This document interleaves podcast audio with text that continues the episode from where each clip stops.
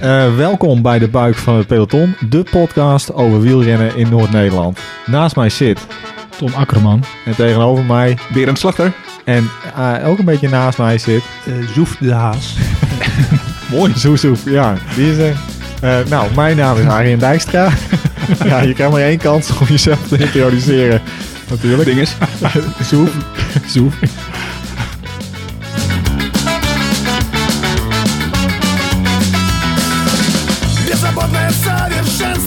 Nee, ehm eh, maar ik mag het nog wel een keertje doen. Steven Sloof, eh, tijdrijder, wielrenner van wel eer, mogen we wel een beetje zeggen. Ja, toch? Ja, je bent zelf niet van vroeger. Maar het wielrenner zijn is wel een beetje van vroeger. Ja, toch? Nou, ik ben nu... Ge, ik, ben, ik fiets nog wel regelmatig en wel veel nog. Maar, Maar op de ja, racefiets? op de mountainbike. Ja, hier. Op de Mount Ja, Wellens wielrenner racefiets natuurlijk. Nee, precies. Hey, wanneer heb je je laatste koers gereden, Steven? Eh, de laatste koers... eh, nou, maar de laatste wedstrijd was eh, de monster, monster tijdrit van 2011. Ah, en die doet eigenlijk nog steeds een beetje zeer, geloof ik, hè? Die, eh, ja, ja, dat was een hele pijnlijke wedstrijd. Of hoe noem je dat? Tijdrit. Ja. Ja. Gaan we het zo meteen over hebben. Leuk. We gaan het vandaag namelijk hebben over Zout, Het- meer zout in die wond. Ja, ja. tijdrijden. En over zout in de wond. Maar we beginnen natuurlijk met eh, de, het nieuws van de laatste tijd. Als, ik dat zo in een draaiboekje zeg, hoef je dat niet zo ongemakkelijk te introduceren. Ik vind het echt een heel lullige aankondiging. Ik maak nooit een draaiboekje. Ja, Thuis maar- vallen ze ook van de stoel dat ik iets heb georganiseerd. Moet je er niet zo, moet je er niet zo mee spotten. Nee, het En, en eh, die Zoef de Haas, dat is wel degelijk eh, zeg maar een eh, jeugdnaam van mij. Ja? Dus omdat ik altijd... eh, heel Je snel- ouders wilden jou eerst Soef de Haas noemen? Nee, dat was een bijnaam op het schoolplein. Omdat ik altijd heel snel was op het schoolplein. Met het tikkertje en dat soort dingen. Ja, je kon ook behoorlijk goed lopen, hè? Toch? Ja, ja, ja. ja. Ja. ja. Maar we, hebben het nu niet meteen over mij. Dus ik Nee, ik Nee, kaats goed. de bal weer even terug. Nou, mooi, Ja. goed. Ja. we, ehm, ja, we beginnen eigenlijk... eh, ja, helemaal goed. we beginnen in Delfzijl en uh, Blijham. Want er zijn wat eh criteriumpjes-achtige dingen. Criteriumpjes. Ja, In er niet bij. Criteriumpjes. Vertel eens, Barry. Delfzijl. Nou, Delfzijl was, dat is wel echt inmiddels wel een, een koers van formaat. Mag ik, wel- dat is ook gewoon een KWU-criterium. En eh, dat is een mooi rondje. En eh, met een fijne organisatie, met heel veel categorieën. Dus dat is geen criterium. Pje. Een echt Het is, criterium. het is Ja. echt, echt een gezellig criterium sfeertje. dat, wordt, dat is een klassieker. En dan niet in de wielerzin, in wording. Absoluut. Ja, Oké, Ja. superleuk. Ja, je ziet- Wie heeft ziet- gewonnen? dat dacht ik Ik dacht dat we het gewoon een beetje over onszelf gingen hebben en hoe we het daar hadden gedaan. Bij de sportklasse won Jan Hekman. Ja? Ja. Jan Hekman. Ah, nee, niet Ja, die ken ik. Die ken ik. Die ken ik van sportklasse? vroeger ook. Ja, Ja, weet je, zal ik even vertellen, Jan Hekman? Ja. Zal ik even vertellen hoe het ging? Ehm, wij starten als sportklasse starten we een minuutje achter de amateurs. Op een rondje van, eh, nou wat was het, drie minuten ongeveer. Dus dan weet je wat er op een gegeven moment Voor gaat. de amateurs. Nee, achter de amateurs. We zijn achter de amateurs gestart. Maar ja, op een gegeven moment komt het hele amateurpeloton kom je, komt je voorbij. En in plaats van dat we... We werden gewoon gelapt door de amateurs. Ah. En in plaats van dat, ze, dat er even barrage werd gemaakt... dat wij keurig gingen wachten tot al die amateurs ons voorbij gestoven waren... hebben de rest van die koers in een peloton, ja, met een peloton van 80 man gereden. En de amateurs moesten uiteindelijk twee of drie rondjes klinkt echt als een KWU-klassieker Ja, inderdaad. was, was gezellig. Maar uiteindelijk gingen de amateurs van team Stouwdam, eh, Harco Kiewiet en Dennis Steverink, gingen een treintje opzetten voor de sportklasse mannen van team Stouwdam, dus Jan Hekman. Uiteindelijk werd dus de sprint voor Jan werd aangetrokken door Harco. En toen won hij.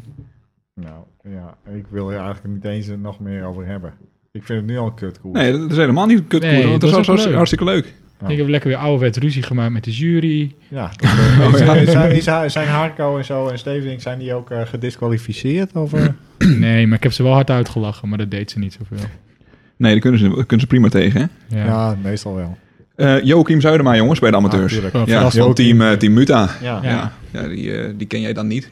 Dat had jouw zoon kunnen zijn.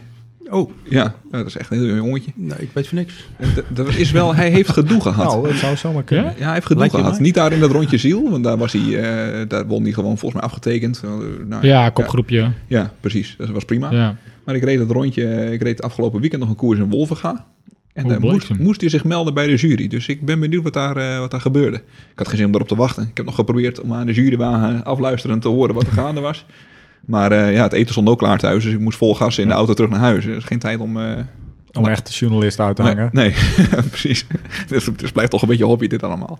Dus eh, nee, maar ah, rondje, rondje ziel was hartstikke leuk. Dat is echt een super. Het was lekker, lekker weer, lekkere sfeer.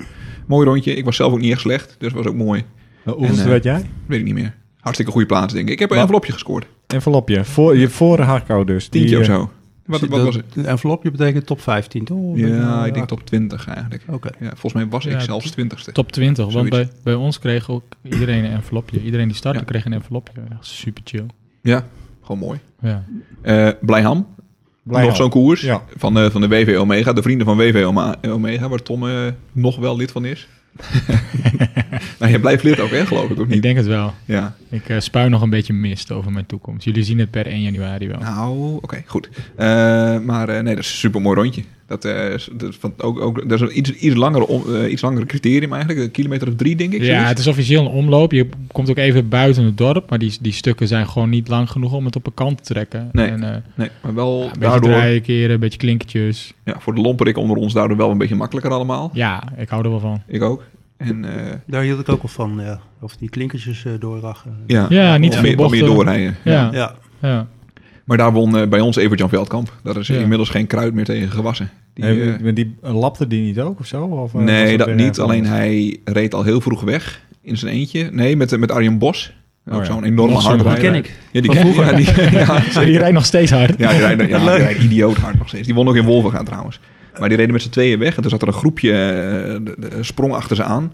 Ik was niet bij machten om daarbij mee te gaan. eh, maar dat groepje, dat, dat deed er super lang over om ze überhaupt terug te halen. Toen waren ze er eenmaal bij. Toen dacht Evert-Jan Velkamp, nou, ik kan anders misschien gewoon nog wel een keer gaan. En toen eh, won hij weer met 200 meter voorsprong. Dus daar- ja, dat is echt idioot. Die vent is echt supergoed nu. Maar eh, ja, het was ook een klein startveld. Dus het was een beetje zo'n zo'n Hotse Begonia koers. Je kon, als je toevallig op de goede, het goede moment wat meegeleed, dan had je best kans dat je bij dat ene groepje zat. En anders niet. Het was niet echt... Dat is niet selectief. Nou, nee, het waaide wel wat en zo. Maar het, was, Ja. het was ook een beetje... Ja, hij won eh, afgetekend door en dat was hartstikke goed. En, eh, maar ja, ik heb, Maar- wel, eh, ik heb wel genoten. Maar dan hebben we dus eigenlijk Del Zeil, Blijham en Wolfga eh, ook... eh, Wolvenga was, eh, won Evert-Jan Velkamp niet, maar dan won Arjen Bos wel. Die is inmiddels in NCK-vorm, dus die, die vertrok in ronde 2 met iemand anders. Met de, de huidige Nederlands kampioen eh wintertriathlon. Dus ken ik ook een sport. En eh, die, die, eh, die is vast niet goed, het is net herfst. ja, ja, nou, die is wel Ja, in richting, de... de pie- pieken richting de Ja, winter. hè? Ja, maar Ja. eh, die, waren, die bleven met z'n tweeën weg. En die, eh, nou ja, Het is goed. echt zo'n Johan Boonstra sport. Ja, dat- dat- Ja, ja. wintertriathlon. alles Ja. maar om te voorkomen dat je gewoon lekker aan het fietsen bent. Ja, gaan Ja. hardlopen en schaatsen of zo. Niet, ga Ja, niet, maar geen, ook alles geen- om te voorkomen dat je lekker aan het schaatsen bent. En ook, eh, ja, nou, het lopen, dat Nee, is dat is- sowieso uh, pet. Dat is huilen met de pet op natuurlijk voor iedereen. Lopen. Wielrennen en Ja, schaatsen. ja, precies. Ja. Ik kan wel janken, ik moet niet aan denken. Nou ja, Ja, lopen. lopen, hè. jezus. Nee, ja. Ja, wie doet dat nou, zeg? Nou, en als je loopt, dan moet je alleen lopen. Maar dan moet je niet dingen erbij gaan doen. Nee, precies. Zoals gewoon Eh, leven. ja, precies. Of denk, denken dat je dan vrienden kan maken en zo. Ja. Ja, lopen, dat is echt dat is, dat is een eh, state of eh, mind en een way of life. En, eh, ja.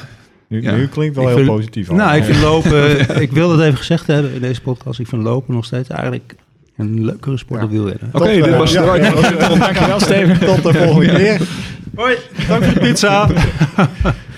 Ja, goed. Is Ja. nog een biertje trouwens? Maar jongen, ehm, het dreigt een beetje, we dreigen een beetje voorbij, voorbij te gaan aan drie koersjes die eh, in de velden achter Ja, Langeloop nou, worden dat gaan we heus niet doen, Dus, hoor. er zijn ook nog twee Ja. Criteriums Oh, nou, Als je belichten hebt, die ga ik nieuwe biertjes ja, is goed. Ja. Dan ga ik er even heel snel over hebben. Ja. Ja, en ik hou mijn mond Ja. ook. Dat was een mooie tweedaagse, was leuk. Rolde was de hele dag, eh, de hele koers regen. De hele dag, het duurt maar een uur ongeveer. En eh, eh, alleen maar klinkers, dus het was alleen maar glibberen en glijden. top. Ja, mijn hobby. En Ja. eh, gieten was heel erg leuk. Dat was een beetje het kleine DK-rondje van vorig jaar. Dus dat klimmetje zat er wel in. Alleen eh, het stukje achterop in de weiland op een kant zat er helaas niet in. Nee, maar dat was wel, dat was- maakte het wel een heel mooi rondje. Maar de rest Ja. was ook superleuk hoor. Ja, het trouwens. was leuk. Maar, ja, eh, echt, eh, ja, er was dus een, was een hele leuke tweedaagse. Er lag er ook eh, gier op de weg? Want dat vind ik zelf ook altijd heel leuk. Dat Ja, we bleven in het dorp. Dus eh, gelukkig strooien ze geen gier uit in het, in het dorp. Je in Gieten, het is, het is Drenthe, je weet het niet. Je weet het niet. nee, kan gewoon. Maar nu we het over gier hebben, dat is een mooi bruggetje naar Langelo. Zeker. Ja, Altijd wel goed voor een goede portie gier op de weg. Ja. ja. Eh, drie koersjes hè, door de WV, WV de Cannibaal. Officieel trainingskoersen, maar eh, in principe de meest hoog aangeschreven koers eh, van, het, eh, van de noordelijke wielerkalender. Als je daar wint, Wat zoek jij Arjen? Nee, nee, ik keek of hij- ik keek of hij nog bier had. Oké, dat is alweer op. natuurlijk. Eh, en daar wist ik toch even de eerste van te winnen, dus dat wou ik hier even niet onbelicht laten. Vertel even hoe dat ging. Nou, nou, ik werd wel een beetje geholpen. Maar eh, Ja, het dat was- moet je niet vertellen. Je was- uh, ja, kopgroep ik- weggesprongen ja, uit de nee, kopgroep. klopt. We reden met een peloton. Het was niet een heel groot peloton. Ik denk een man of twintig. Ehm, daar eh, ontstond een kopgroep die ik eigenlijk een beetje zelf maakte. Als ik niet onbescheiden ben. Tenminste, ik, eh, Mhm. ik probeerde dat. maakte de En we kopgroep. maken, Ja, ja, we ja. maken een podcast, hè? Dus het is alleen maar dus, eh, ja, zo is het. Ja. En eh, nou, de Anne Koster wist nog op hangen en wurgen mee te, slui te sluipen. Nee, we waren met... Anne Koster, die werd tweede in eh Euro de omloop. ja, de, de, de- gewoon... Topcompetitie. hebben het over Langelo. Wacht even. Ja. Ja, maar Een- dat, dat, een dat bevestigt even Berend Een van de grotere talenten Ja, van, eh, ja. van Nederland, zo is het. Ja. We reden met vier man weg en ehm, we bleven weg, want we deden allemaal heel ons best. En eh, in de laatste kilometers eh, zei Anne tegen mij, je moet wegrijden, je moet wegrijden. Maar ik was heel erg eh, moe inmiddels, dus ik zei tegen Anne van, dat gaat niet lukken, want die andere twee jongens die rijden me zomaar, terug, want die zijn hartstikke goed. Ze zei, nee, ik help jou. Dus eh, hij, zei, dan geef ik je een handaflossing. Ik zei, nou, laten we dat niet doen, want dat kan ik niet zo goed. Maar ik liet me in het laatste wiel zitten en toen, toen demareerde ik. Toen gaf hij mij nog een, een kontje mee, zo. Dat, durf, dat durfde ik wel. Dus ik, maar ik reed best hard weg. De, ondanks, eh, Anna weegt ongeveer 40 kilo en ik weeg al, al 1000 kilo. Dus die, dat kontje, dat was Hij, hij sympathiek. reed maar eh, achteruit. ja, hij duwde zichzelf. eh, ja. ja. En toen, eh, toen reed ik heel hard weg. En dat ging ook heel erg goed. En toen hoorde ik achteraf dat eh, echt iedereen letterlijk klem heeft gereden zo'n beetje. Die was in zijn eentje een heel team Hekman die alle achtervolgingspogingen op mij heeft geblokkeerd. Stuurde zij naar rechts, stuurde hij naar rechts. En, dus nou ja, er kon helemaal niemand langs. En, het- en, en ik kwam solo over de finish. En eh, niet zo'n klein beetje solo ook. Het was echt Gewoon eh, serieus tijd solo. om te juichen, tijd om eh, hand in de lucht, alles. Ja. Haar goed Ja, doen. ja. Kammetje Ja. uit, uit het ding. Even Ja. een sponsje over je gezicht. En toen... En toen hoorde ik achteraf dat ook Tim Beerkamp, onze ex-CSG'er, nu in NWVG-dienst, ook voor mij hartstikke hard zijn best heeft gedaan in het peloton. Die heeft er ook allerlei dingen afgestopt. dus het werd mij gegund. Maar dat is natuurlijk hartstikke leuk om dat, om dat mee te maken. En ik was er een beetje emotioneel over. Want en mijn oma was dood. Eh, die was eh, twee of drie dagen daarvoor dood. En eh, overleden, zeg je dan. En mijn kat was dood. En dat was ook Bliksem. best, eh, bliksem. Ja, ook wel eens gefigureerd in een podcast, denk ik. Ja. Ja, hartstikke dood. Ja. En eh, nou ja, dan blijft het, het is maar een klein omloopje, maar je, je blijft een gevoelige jongen. Hè? Even een klein traantje op de streep. Even voor Ja. bliksem, toch? Jij even- leeft en gefeliciteerd. ja, ik leef nog. Ja, ja. ja Maar even eh, nog één dingetje terughalen. Drie jaar geleden, hetzelfde koersje. Eh Barry is weg met Wieg van de Wier, eh, eh, Wiwi, en een onbekende junior. Ja. En Wieg van de Wier wil die junior laten winnen. Dus die doet alles om die junior te winnen. Maar Barry denkt, ik win nooit een koers. dus Fuck de junior. die klapt er overheen. Ja, precies. En die junior was Adne Koster. Ja, zo is het. En zo is de cirkel weer rond. Het is wel, Ja. ik vind het echt, die jongen gaat het nooit redden natuurlijk. Die Nee, Koster, die Die- niet. ja, die Nou, had kijk. jou er twee keer af moeten rijden. De week erop won hij gewoon. Dus eh op eclatante wijze ook. Die gewoon- jongens gewoon hartstikke goed. Dus het, het siert hem. Toen zei ik van, oh, ik vind het jammer dat ik niks voor jou heb gedaan. Nou, dan zei hij, nou, we kunnen wel net, doen- net doen alsof je wel iets voor me hebt gedaan. Dan is het, dan staan we weer gelijk. Ik dacht, nou, mooi, opgelost. Prachtig. Ja. Dus, nou, hebben we dat ook gehad. Ja, is het op? Eh, ja, zijn er nog dingen eh, belangrijk? Nee, hè, de rest is allemaal niet... eh, Je hebt- jij- jij hebt ook iets gewonnen. Nee, ja, nee, maar dat, eh, wa- wat belangrijker is... Tom, je hebt een dubbele transfer. Ja. Ja, klopt. Ik, eh, ik word secretaris in het district, jezus, districtsbestuur van de KMU. Mag je daar gewoon beschonken bij zitten? Want dat Ik, doe, eh, doe dat, nou, dat doe ik nu ook. Zo, wat, wat weet je, Tom? Secretaris? Of? In het districtsbestuur van de KMU, secretaris. Oké, Ja. wat een eh, mooie functie. Ja, dat hoop ik. Dankjewel. Ja, je moet er maar willen. Nee, weet je, we hebben het natuurlijk de vorige keer in de podcast er ook wel over gehad. eh, over, over dat gezeik met die ICW'tjes die op dezelfde data als KMU-koersjes worden georganiseerd. En al die andere eh, eh, regeltjes waar wij het niet zo mee eens mee zijn. Ehm, ik heb ze een paar keer wat kritische mails gestuurd. En naar aanleiding daarvan... En als dank daarvoor mag je, mag je al het werk ja, gaan daar doen. komt het op neer. Ja, als dank daarvoor, eigenlijk als straf daarvoor, moet Ja. ik in, het bestuur. Anders moet ik mijn licentie voor Een eeuwig beetje in het kader van, nou, als jij het allemaal zo goed weet, doe Ja. het dan lekker zelf. Nou, precies. Oké. Nou, kijk, het, het je wel. Je moet er niet aan denken, maar het siert je wel.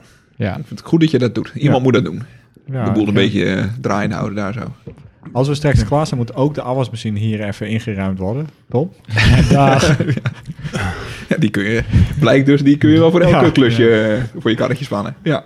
Nee, maar oké, nee, het is echt wel goed. En we hebben echt een hele hoop te zeuren op die KWU. En daar komt ook nog een hele hoop bij. Want daar gaan we een hele special over Ja. maken. Jee, de. En dan ga ik ook gewoon lekker zeuren hoor. Ja, Nou wordt- ja, we zijn alle kaan, we zijn, spreek ik eigenlijk voor het grootste gedeelte in het gezelschap eh KNWU-leden. Dus de KNU ben je natuurlijk ook zelf. Ja, En terecht dat je dan, dan ook, eh, nou... als- iemand in het bestuur afvaardigt. Ja, precies. Ja. Dus eh, Ja. chapeau. Namens ons, namens ons het woord voert. Goed gedaan, jongen. Exact. exact. Nou, eh, We gaan naar eh, Sloof. Ja, oh ja. Nou, nee, want Oh, jij, nee. jij, jij, Oh jij ja, oh ja, ik Oké, ik wacht alweer. Uh, ja, sorry. Op 28 augustus, dat is Gronings ontzet. Uh, toen uh, ben ik samen met uh, Billy Bronco. Wil jij even in de microfoon spreken, want dit is een, bela- een belangrijk punt. Toen, uh, sorry. Billy Bronco, die ken ik. Ja, Bi- Billy Bronco. Uh, ben ik naar, ehm, hoe heet het daar? Uh, München. Münster gefietst Münster. in Duitsland. München. Nee, het was echt super tof. Ja. Er was een tocht van hier naar Münster. En je moest onderweg moest je in uh, Ommerschans en in, um, hoe heet dat uh, plaatsje? Um, Boetangen. Boetangen moest je een foto maken. We vertrokken om 12 uur s'nachts. En wie het eerste weer terug was, die had gewonnen. En je mocht zelf weten in welke volgorde je het deed. Maar het was makkelijk om Münster in het midden te doen. Want anders dan was je wel heel erg aan het omfietsen. dat was ongeveer 400 kilometer. Het was echt stikheet. Dus die, die hele stad, heel Groningen, iedereen was op straat. En uh, iemand had de studenten van standje, Tandje Hoger geappt. Hè, we gaan zo weg. Dus er deden acht mensen mee. En er stonden ongeveer 30 studenten stonden bij Spaak. Oh ja? Ja, het was echt uh, nou, heel ja. erg bijzonder. Uh, zo, nou, zo'n zomerse zwoele nacht. En toen was het 12 uur, klaar voor de start. En we gingen echt, echt volle bak. Echt als maloten met 40 per uur de stad uit. En uh, nou, na ongeveer uh, drie minuten zei Billy tegen mij... Zit er nog iemand achter ons? Ik zei, uh, nee, ik denk dat zij de andere route hebben genomen. dus wij gingen eerst naar Boetangen. De rest ging eerst naar Ommerschans. Maar ja, we, we, we, zijn gewoon de hele nacht doorgereden. S ochtends vroeg kwamen we aan in Münster. Hebben wat broodjes bij een bakker gekocht. Weer op de fiets gestapt. Weer teruggereden.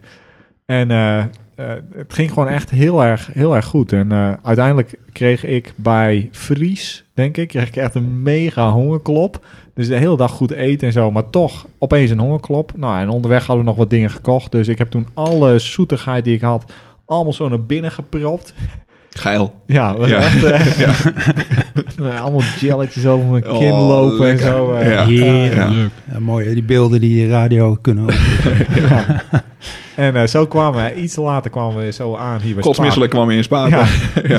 En dat, ik, we zaten er op een bankje, ik viel bijna in slaap. Ja, je hebt toch de hele nacht doorgefietst. hoe, hoe lang eh, heb je nou gefietst? eh, continu zo achter elkaar? Eh, volgens mij waren we 15 uur onderweg, dus we kwamen ongeveer 3 uur aan. En van die 15 uur hebben we 12,5 uur gefietst of zo. We hadden ook nog Ja. eh, 31 gemiddeld of zo. Ging ja, als jullie fietsen gaat het ook hard, hè? Ja, ja, ging je echt wel de hele tijd. eh, Billy, moeten we zo hard? Eh eh, Arjen, moeten we zo hard? En eh, nou ja, Nou, voor mij, eh, voor mij is eh, Billy is mij goed bekend. Een goede maat van mij en die spreek ik nog wel regelmatig. Maar die is eh, nog steeds wel eh, Ja. behoorlijk ontregeld, die ja. Oh, ja. Hij zei ook dat hij eh, zeggen, tegen de tijd dat hij eh, bij Groningen aankwam, dat hij ook een beetje van het padje was. Ja. maar Toen werd hij wel heel chagrijnig moment. Billy is trouwens lang, ik ken al behoorlijk ontregeld. Eh, ja. Ja. Dat zal niet helemaal door deze tocht alleen eh, gebeurd zijn. Nee, dat, Nou, ik, ik zie dat wel met verbazing hoor, die lange afstand eh, prestaties. Ik, eh, het, is, het is niet alleen een hele fysieke eh, kwelling, vaak ook toch wel. maar ook, ook weer mentaal is het best wel, eh, jeetje, wel een dingetje zeg maar. Ja, je, moet, je, je gaat eigenlijk de hele tijd door. Hè? En dat is, eh, ehm, je, je kan niet stoppen, zeg maar. Ehm, en, maar, en Billy heeft heel erg de neiging, want dat is het grote verschil. Als wij op de fiets zitten, fietsen wij precies hetzelfde. Dus we fietsen ongeveer even hard en dat voelen we helemaal perfect aan. Alleen hij wil heel graag af en toe een half uur of drie kwartier stoppen. En ik ben na twee minuten stoppen, wil ik eigenlijk al verder. Dus eh, Ja. Dat, eh, dat, dat dingetje ken ik wel van, eh, ja, van Billy. We komen, komen bij een eh, bij McDonald's en dan eh, oh, even een milkshake halen. Denk, kut, milkshake, patat en, en het duurt maar en het duurt maar. En ik sta maar een beetje met mijn helm op en mijn bril nog op. Zo een beetje, zullen we weer weg, zullen we weer weg?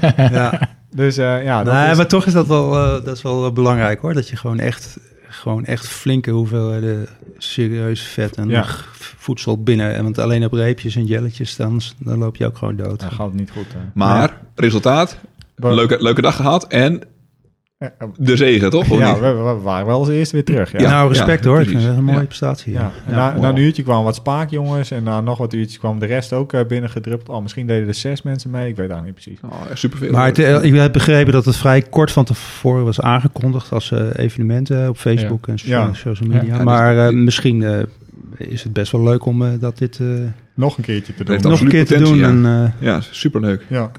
Want kijk, je hoeft... maar je, mag je, je kan je eigen route uitzetten, begrijp ik. Ja, als je maar gewoon... Je, eh, je moet het helemaal zelf eh, bepalen. Ja. Als je maar op die drie punten onderweg komt. Je begint bij Ja, Spaak ja, en je, je ja. komt weer terug bij Spaak. En, eh, ehm, en eh, uiteindelijk gaat het erom dat je, weet ik veel, het avontuur beleeft. Hè? En het leukste is om dat met z'n tweeën te doen. Of alleen, hè, want dat mag ook. Maar dan zit je in een ander klassement. Nee, Wat ik ook heel erg leuk vond, dan kom je terug. Ik heb het er even bijgepakt nu op mijn eh, laptop. Eh, ik heb, we hebben 12 uur en 47 minuten rijtijd gehad. Precies 31 gemiddeld.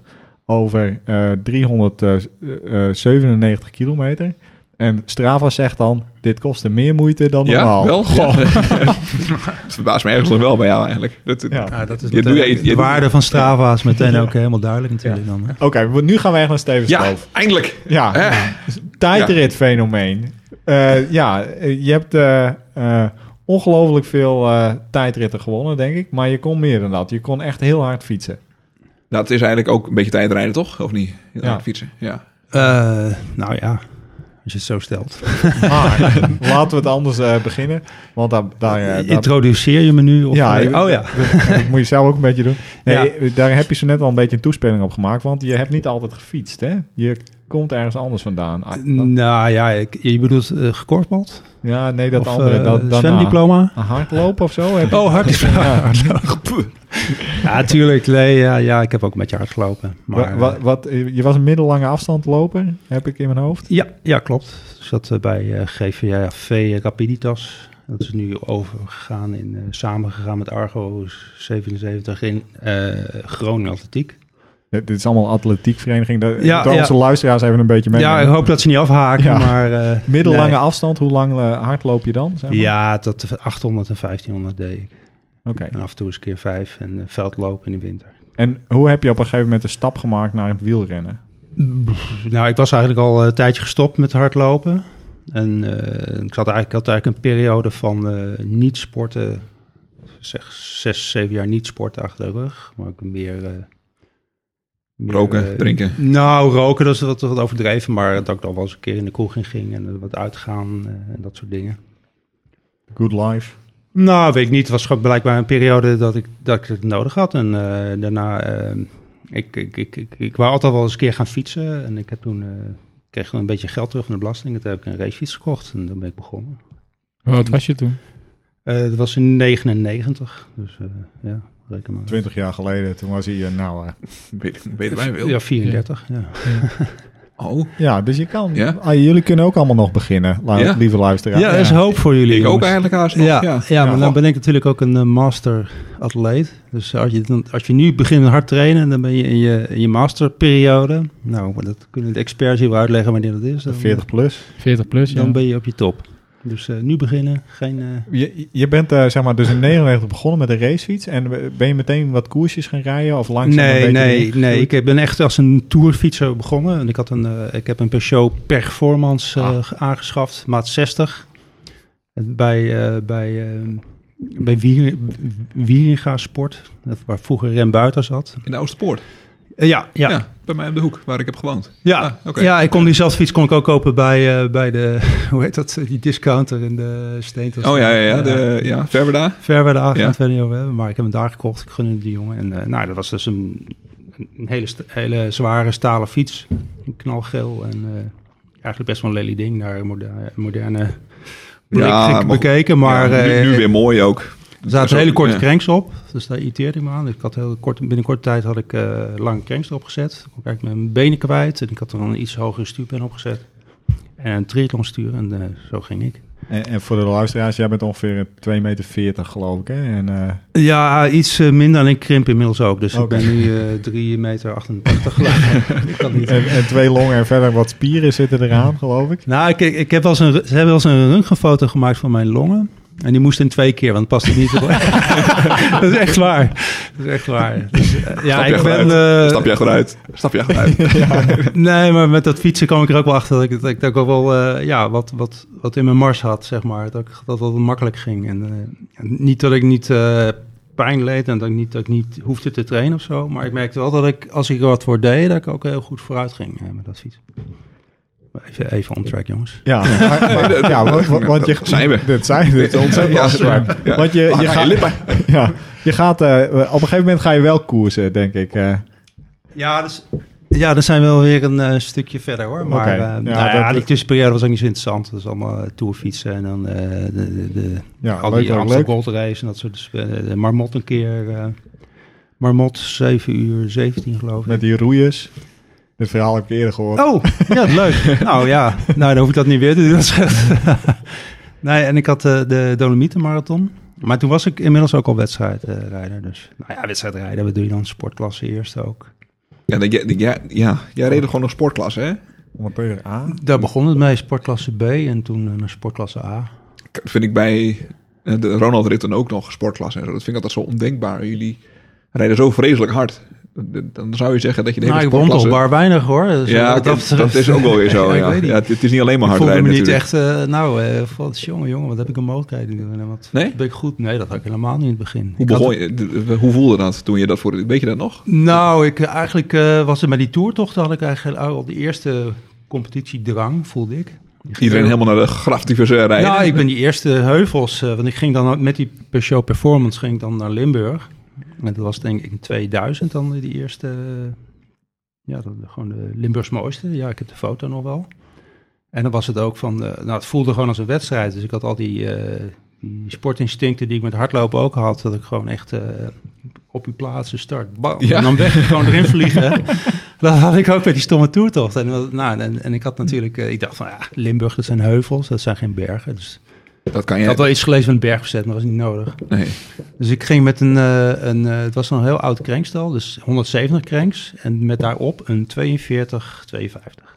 En achter had ik een eh 7-speed eh 11, 21 cassette. Jezus. Dus Ja. eh, nou ja. Dus ik, die, ja, ik, ik moest, moest dus heel hard fietsen om die heuvels op te Ja, bouwen. ja, ja, dat klopt, ging dan ja. vier, vijf heuvels super supergoed. En, En daarna was je helemaal naar de tyfus. Daarna moest ik even ergens gaan zitten om even bij te komen. en daarna ging het wel weer lekker. Dus nou ja. Ja, gaaf. Ja. En de sportklasse, dat was, dat was ook gelijk. Dat was, of dat was wennen. Dat was... eh, Ehm, ja, ik, ik kan me de wedstrijd herinneren dat we dan eh, dat baantje daar in Leeuwarden, geloof ik. Ja. Dat is een afgesloten baantje. En, eh, Woensdagavond. Nou ja, en ook als, ja, als een debiel rijden en eh, ja, het be- best wel plezier hebben. Het bruggetje en die bochtjes en aansnijden. Dat is natuurlijk ook best wel even wennen. Dat je volle bak... eh, Door de over bocht cir- gaat. Nou, over Ja. circuit rij- rijdt. Dus dat, dat stuurmansgedoe komt er ook een beetje bij kijken. mm. Dus, maar ik vermaakte me wel. En ik geloof dat ik tweede werd in die koers. eh, Ja. de eerste koers. Ja. In de eerste koers. Ja, maar dat was dan bij sportklasse B. Dus ik had, ja, eh, ja. ik had zelf gedacht van, nou verdorie, ik had best wel kunnen winnen. nou, lekker. Zoiets. Goh, ik weet nog dat ik werd gedubbeld door het peloton na drie ronden Ja, in mijn ja, eerste koers. ja, dat Ja. heeft ook wel... eh, Maar dat, dat, daarna heb ik nog wel heel veel koers gehad dat ik juist helemaal niet eh voorin kwam. Dus dacht ik Hm. over, hey, het is best wel moeilijk. Het is niet zo makkelijk allemaal. Je maakte op een gegeven moment dan de stap naar de tijdritfiets, denk ik. Of ga- zet je eerst een opzetstuurtje op je fiets en ga je een tijdritje rijden. je Eh, plakt je wielen dicht. Hoe, hoe gaat dit? Nou, dat was eigenlijk eh, eh, door de ICW-competitie. eh, ehm, daar was dan ook een, een tijdrit onderdeel in. Dat was dan een tijdrit van Colham in 2005, geloof ik. Ja, 2005. En dat was eigenlijk mijn debuut als tijdrijder. Want toen dacht ik, hé, hey, tijdrit, dat is even heel anders. Hè? Dus niet met z'n allen tegelijk. Hoeveel kilometer is dat ongeveer, weet je dat? nog? Voor mij was dat een tijdrit van iets van 14 kilometer of zo. Oké, en die won je? Die, Ja. Nou, eh, moet het nou weer... eh, ja, ja, Ik wil het net even lekker vertellen. ja, nou ja, uiteraard natuurlijk. Oké, Nee, ik won niet, want ik was niet de snelste. Maar ik, had een, ik was wel eh, winnaar van de sportklasse A inmiddels. Volgens mij Evert Veldkamp, die won bij de... Evert Veldkamp of Evert Jan Veldkamp? Evert Jan Veldkamp, ja. Ja, echt waar? Ja, die was toen mij. ook al gewoon Toen al, hè? super irritant. Maar goed, die, die reed 44,1 en ik, ik reed toen 43,6 of zo. Dus ik dacht echt... Je eerste tijd, weet je. Ja, Op een gewone koersfiets, hè? Nou, dan moet ik wel zeggen dat ik me er al meteen een beetje verdiept had. Een opzetstuurtje op had gezet. En ik had de zadel helemaal naar voren gezet. En ik had een eh, tijdritpak aan en ik had een aerohelm ge- geleend. Dus ik had wel wat dingen gedaan. En eh, ik merkte ook dat ik gewoon daar profijt van had. Dus ik, had met, er was meteen wel een zaadje gelegd van... hé, hey, oké, je kan wel heel hard gaan trainen en heel hard gaan trappen... maar als je als een drol op die fiets zit, dan kom je nog niet vooruit, zeg maar. Dus Hmm. als je een beetje stroomlijnt, dan ben je wel slim bezig. Daar kwam ik wel achter, ja. ja. Ja, want daar moeten we het eh, even over gaan hebben natuurlijk. Eigenlijk is dit gewoon één grote op Ari eh, Oh, lekker, opzet. Hè? Ja. Want, eh, Doe me trouwens wel een beetje denken aan mijn eerste tijdritje. Dat deed ik, die heb ik door Sloof. eh, of tenminste, ik, ik herinner mij Sloof daar heel erg in. Zo, werd ook, zo ben ik ook een beetje aan het tijdrijden. Dat was een clubkampioenschap. En toen eh, deed ik dat ook. Dan hadden we eerst een, een koersje op de wielenbaan. En daarna een tijdrit op Langelo. En toen eh, kwam ik ook loeihard over de finish. Ook veel harder dan ik zelf had gedacht. Ik reed volgens mij ook nou, 42,8 of zo. Dus het is minder indrukwekkend dan wat Sloof deed. Maar alsnog wel hard.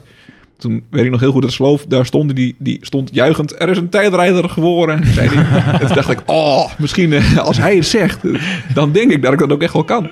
Nou, bleek niet zo te zijn. Nou, eh, ik zou dat misschien wel kunnen. Maar ik, ik heb daar toen verder niet zo heel veel mee gedaan. Maar eh, ja, ik vond dat wel mooi. Dat- Ik kan me dat nog Nou, goed, ja, wel goed ik- herinneren. Ja. Ik dacht natuurlijk aan de toekomstige NCK-ploeg, waar je altijd blij was met eh, een grote uh, hardrijdende kerel voor Ja, je. precies. Niet Ja, een een of andere dwerg waar je alleen maar in de wind zit. Nee. Nou, die heb ik al een paar keer gereden. Dus dat betreft eh, had jij een voorzienende blik.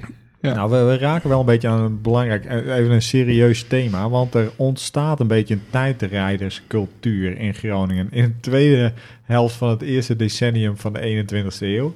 Zeg maar vanaf 2005 tot, eh, nou eigenlijk misschien wel tot nu. Maar er begint een club die gaat er heel serieus mee bezig. Hè? En eh, dat is waarom het heel leuk is dat we jou in de podcast hebben. Want jij bent daar een beetje een spil in die, eh, in die club. denk ja, ik. ik denk dat, dat bij mijn, mijn groeiende interesse in, in die sport en in alle facetten die die sport kent, zeg maar. En dat is ook dat, dat technische aspect. Hè. Dat mijn achtergrond als eh, monteur. Ik werkte als monteur bij eh Cycletrend. En had natuurlijk ook toegang tot materiaal en kennis.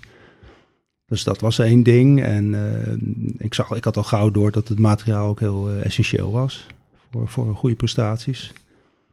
En plus herkende ik ook heel veel van, eh, van het trainen voor, die, voor dat tijdrijden. Ik herkende ook heel, heel veel van wat ik geleerd had in het hardlopen. Dus ik kon heel veel dingen kwamen toevallig bij mij samen.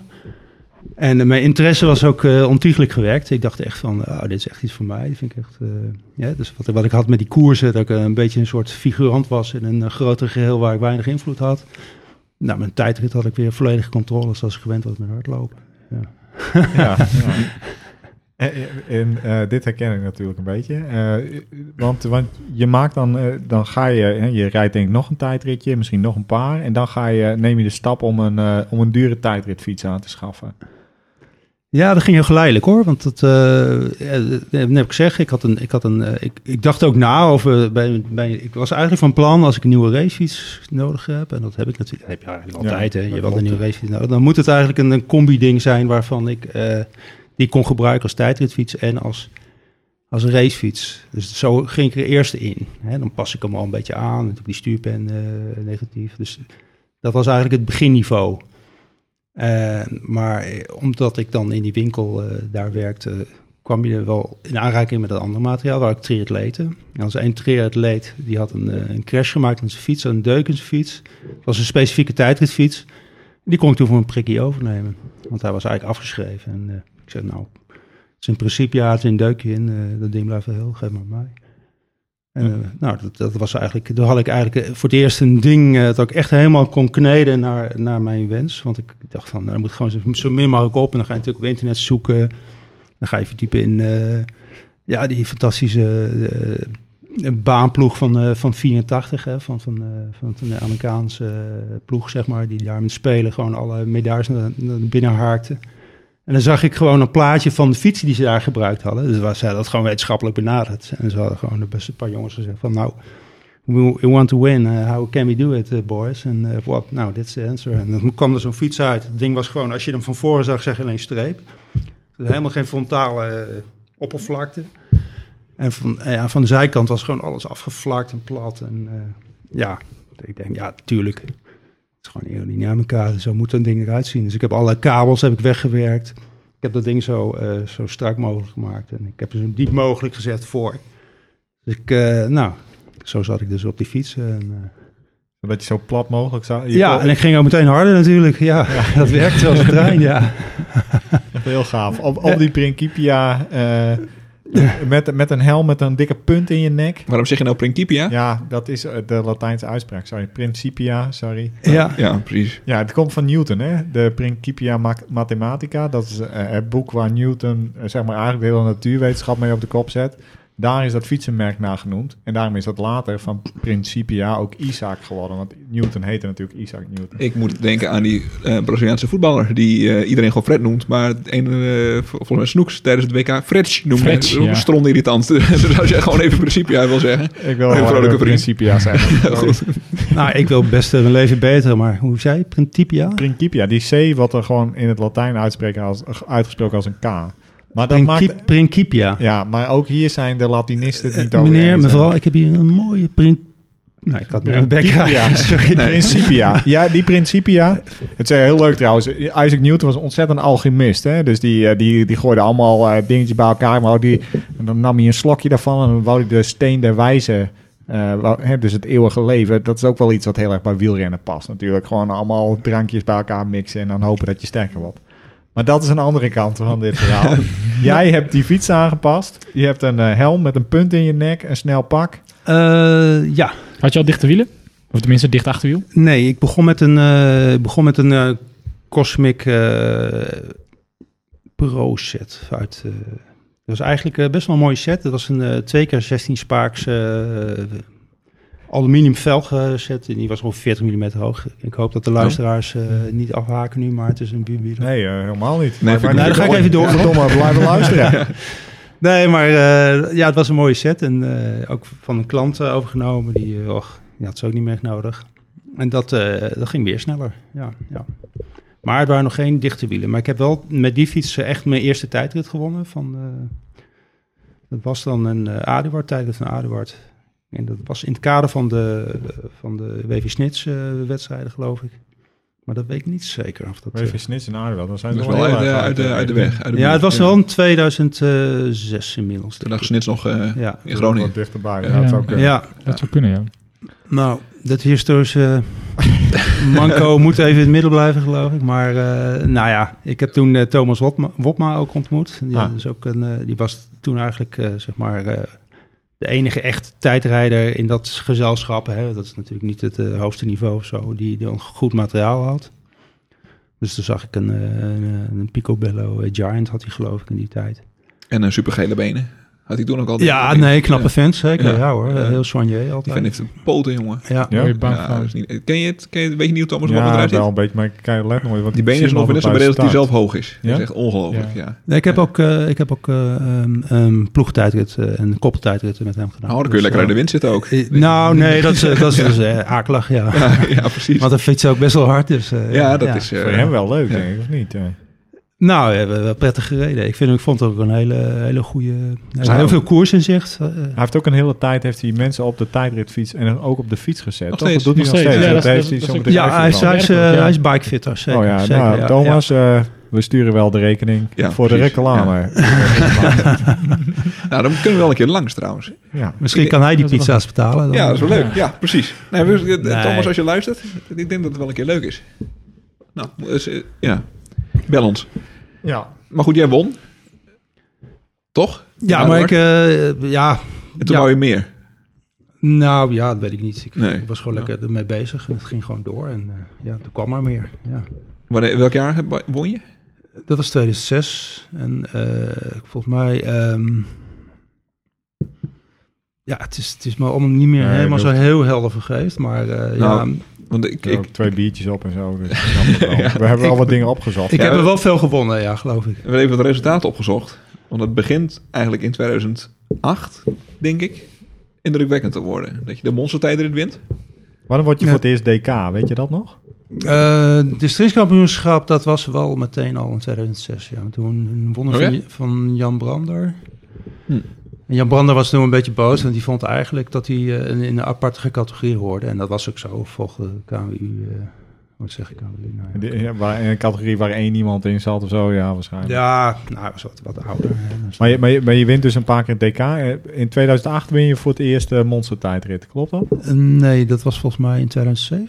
2007. Oh, Of Nou ja. Ja, de research is Kan heel goed. gedaan. Ja. Ja. die tijd ergens. ja, in 2008 in elk geval ook. Ja. Wa- Wat is de monstertijdrit? Dat is een, eh, dat is een hele lange tijdrit. Dus eh, die is, eh, hij wordt gehouden in, eh, in, eh, bij Almere.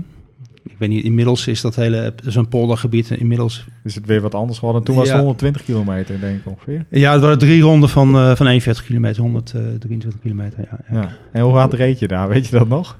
Eh, ja, de eerste keer, weet niet meer precies, maar de laatste keer eh, had ik eh 43,9 gemiddeld. Dus. Dat is echt niet normaal. Ja, dus eh, gewoon, eh, gewoon 44 kilometer bij gemiddeld. Ja, ik denk 120. zeker wel, want ik, want ik baalde wel. Want ik, mijn ketting viel eraf. Ik moest nog even stoppen en die ketting opleggen en weer door. Anders had ik wel 44 gereden, dat is wel jammer. Maar ik had er een hele mooie tijd neergezet. Kun je eens vertellen waar je allemaal aan denkt als je 123 kilometer lang eh, alleen maar... eh, Nou, de eerste keer eh, was, een, was een kwelling. dat was de, omdat ik eh, zeg maar, mijn houding nog niet helemaal goed was. Dan zat ik wel op een hele goede fiets. Had ik een P3, had ik een Cervelo. En ik had... eh, heel veel dingen had ik al goed. Alleen ik had... eh, het zadel was niet goed. Dus dat, dat- nou, als je dan korte tijdrit op een eh, verkeerd zadel, dat overleef je wel. Maar die Ja. 123 keer op zo'n zadel, dat ging, eh, ging niet goed, zeg maar. Dus dat was heel erg pijnlijden vooral. maar En, dat lukte. dat zegt op zich wel iets. ja, Ja. ja, en fysiek was het ook best wel, eh, ja, gewoon doorbijten. En Ja. echt, echt mentaal wel heel zwaar, zeg maar. Hmm. Maar hoe, hoe deel je dat dan? Ja, je moet het op een bepaalde manier indelen, denk ik. Ja, het was eh, eh, gewoon toch wel eh, redelijk hard weg. redelijk hard doorfietsen en, eh, Kijken redelijk hard eindigen, zeg maar, ja. Het klinkt ook gewoon als een tijd van 10 kilometer. Ja, klinkt super ingewikkeld. En goed ingedeeld. Ja. Ja, je Ja. hebt, in 2008 heb je hem voor het eerst gewonnen, inderdaad. En toen in 2011 nog een keer, met die, met die bizarre 43,9. Ja. Ja, ik was, ik was er heel trots op. Maar die laatste, dat was, ook, dat was dus ook tevens mijn laatste wedstrijd die ik uh, ooit gefietst heb. Echt, of echt als tijdrijder in ieder geval. Daar gaan we zo nog even over hebben, want we gaan eerst over alle andere dingen hebben die je hebt uh, gedaan. Je, je wordt echt uh, mega, elk jaar eigenlijk uh, DK ongeveer, hè? vanaf 2007 denk ik. Wel steeds eerst bij de sportklasse A, denk ik, hè, wat tegenwoordig amateurs is. Ja. En daarna ga je 40 plus rijden. Klopt dat ongeveer? Um, ja, volgens mij was dat wel een beetje een afweging die ik toen maakte. Van, en het was dan niet helemaal duidelijk of je dan, als je master was, of je wel eigenlijk echt ook wel recht had om bij de amateurs mee te doen. Ik weet Oh, het ja. niet meer zeker, maar ik, ik vond gewoon dat ik me in een klasse moest deelnemen waar ik thuis hoorde. Waar ik blijkbaar qua leeftijd hoorde. Dus dat je dan ook. En ik keek toch uiteindelijk op zo'n districtskampioenschap. keek ik ook vooral hoe ik overal presteerde hoor. Want ik zat niet zo in mijn categorie. Ik vond het gewoon een mooie tijd. Het wedstrijd waar alle uh, mensen zich serieus op voorbereiden. en uh, zich wouden meten. Met, het is gewoon een goede competitie. Dus, uh, ja. Ja, ja, je hebt natuurlijk de, de, op hetzelfde parcours, maar dan in een andere categorie rijden ook. Uh, ja, ik, ik ging altijd meteen kijken wat bij de elite ja. en hoe ver ik daarachter zat. Hoor. Ja, het interesseerde ja. me niet zo, oh god, ik, uh, ja, ik, ben master uh, kampioen geworden, districtskampioenschap. Maar uh, nee, ik wou gewoon lekker hard rijden. En, want je gaat dan ook, uh, want er zijn best wel veel tijdritjes in die periode. Uh, dus je kan zeg maar eens in een paar weken kun je wel ergens een tijdritje rijden. Dat, dat begin je ook te doen en er vormt zich zo'n clubje. Ronald Heringa die gaat er daarbij aanstaan. Wieger van der Wier komt erbij. Jelle, Jelte Krol gaat tijd rijden. Dat, Leon Tolboom. Leon Tolboom natuurlijk, niet te vergeten. Ja. Prins Pipo. Ja. nou ja, we hadden als, als vereniging hadden we al meegedaan aan het NCK in Dronten. Dat was ook al een, best wel een beproeving. Het was een zeer matige optreden van mijzelf ook. Het was uh, ja, het is de zesde start en elkaar continu kwijtraken. Van een loeiharde wind en, uh, en etelijke D en herformaties later uh, kwamen we. En voor de winter reden we nog 50. en dan werden we met 60 ingehaald door een betere ploeg. Weet je. Dat was, nou, het was wel veel te verbeteren, maar... Jullie, jullie zijn ooit met CSG een keer tiende of elfde geweest, volgens mij. Ja. Toen, ja. Had, jij, toen had jij een leegloper, volgens mij, je achterwiel. Ja, nee, ja. Toen, was ik, toen was ik zelf persoonlijk wel heel goed ook. Ja. En uh, we hadden wat pech. En uh, ja, die, die leegloper was wel, wel jammer, ja. Maar... Ah, dan nog, als je ongeveer top 10 fiet met een ploeg die alleen uit Ja, maar dat. Uh, nou, ik, persoonlijk dacht ik toen ook wel echt wel dat we dat wel moesten kunnen. Ik ja. had het, het wel jammer dat we niet echt die top 10 hebben gehaald. Het zat er eigenlijk wel een beetje in, maar... ja, toch net wat te hard aan getrokken de eerste keer. En, en de keer erop dat we weer de kans hadden, ja, had ik, ja, hadden we een beetje pech, zeg maar. Te veel eh, mensen verloren en dan die afloper. We waren met z'n vieren, maar nou, het had net iets meer ingezeten. Maar het was wel mooi, het was wel goed. Maar het, tekent wel dat, inderdaad, wat Arjen net ook zei, die tijdritcultuur die op een gegeven moment binnen cyclesport had, dat, dat, jullie stonden er altijd wel heel erg bekend om. Van dat je wist Ja. dat er dus een heel blik hardrijders wordt leeggetrokken wordt. Nou ja, dat, eh, ik denk dat ja, dat, dat was het. Dat was, het was natuurlijk voor mij was het een persoonlijke obsessie geworden, Ja. zeg maar. En, eh, en ik, ik trok er ook wel wat mensen mee. Dat, eh, dat geloof ik echt wel. Ja, kon je daar een voortrekkersrol in? Kon je een beetje zo... Nou, ik vond het zelf heel interessant. Dus eh, ik, Ja. ik denk dat die informatie die je had was niet geheim. Dus ik, ik- als iedereen die tips wou, of eh, nou, ik, ik vind het hartstikke leuk. En ik, ik- als ik dit doe, dan word ik beter. En eh, je moet je fietsen, moet je, kan je dat en dat doen, wordt ook beter. Ja, tuurlijk. Ik heb dat altijd wel gedeeld. En ik, eh, mijn enthousiasme, dat sprak voor zich, denk ik. ja. ja, dat is leuk. Dat hoef ik niet. eh, ik, en het maakte me ook niet uit of eh van mensen dat gingen doen, maar ik vond het wel leuk. Ja. Ja. Ja, het hielp natuurlijk ook wel dat jij alsnog wel gewoon de beste was, in principe. Je had een, je had een mooie, mooie competitie aan, aan Leon, denk ik. Ik denk dat jullie elkaar heel erg, eh, heel erg goed maakten en heel erg scherp hielden. Ja, nou, dat was ook wel echt wel een beetje. Op een gegeven moment was het even onduidelijk van wie nou eigenlijk beter was. dat, dat is misschien ook wel Ja. helemaal goed. Dat was een, wel- Dat is denk ik wel een lekker. interessante periode was dat. Ja, maar eh, nee, eh, op een gegeven moment we hebben ja, elkaar ontzettend kunnen helpen met trainingen. En gewoon ook gewoon gaan fietsen natuurlijk. Hè. Je moet gewoon je, je, moet, eh, je, moet, je moet trainen. Jullie, eh, jullie vrouwen mochten elkaar ook niet, geloof ik. Of jullie mo- mo- eh, want, want er ging wel eens een verhaal van dat, eh, dat jullie vrouwen... nu dachten- uitkijken wat je zegt, Barry.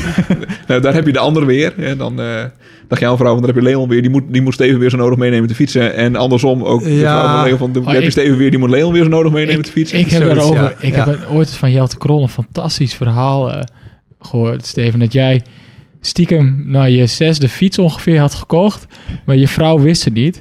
En jij had hem ergens in huis verstopt. Ze luistert misschien, hè? En op een verjaardagsfeestje ging zij stoelen pakken en je wou haar nog tegenhouden.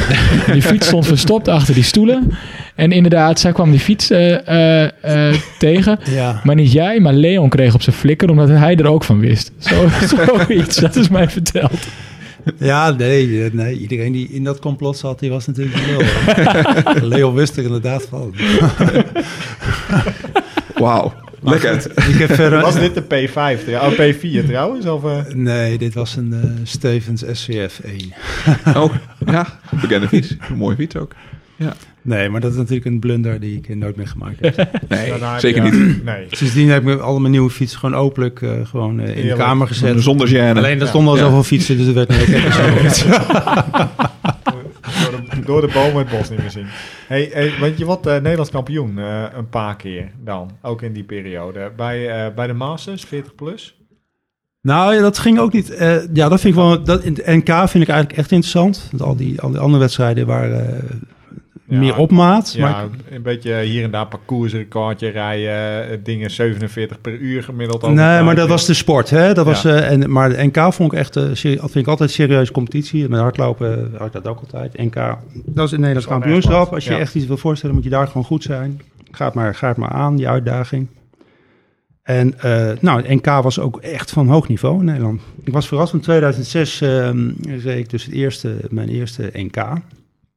En ik was echt de newbie.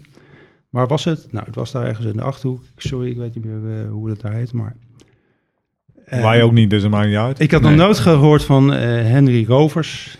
En, en, eh, Wij ook ook niet. Dus dat maakt niet uit. nou ja, dat waren dus, eh, dat werden later, dus, werd dat een enorme angstgame voor mij. Maar ehm, eh, ik werd eh, vierde, dat eerste NK had ook echt, dacht van ik ook een supergoed reed. Maar ik werd echt eh, serieus, eh, werd serieus, ik, van alle kanten werd ik gewoon harder gereden, werd harder gereden. En eh, dat was nog met, eh met de Principia.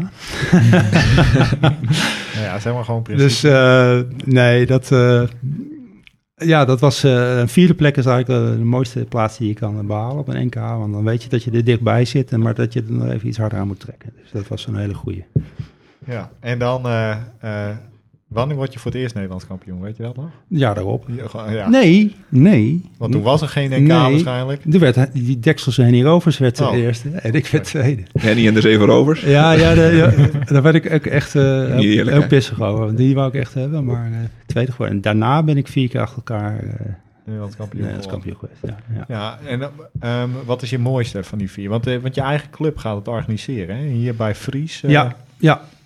André Wilting eh, nam daar ook een enorme voortrekkersrol in. Dus ik, ik, ik ben sowieso altijd heel erg ondersteund door de vereniging, door de club. Dus ben ik de club ook heel dankbaar voor. Dus eh, ook persoonlijk eh, André Wilting, die heeft echt heel veel bijgedragen in, mijn successen. En ehm, nou ja, dat NK, dat werd dus op voordracht van, van de vereniging, werd dat in Fries georganiseerd.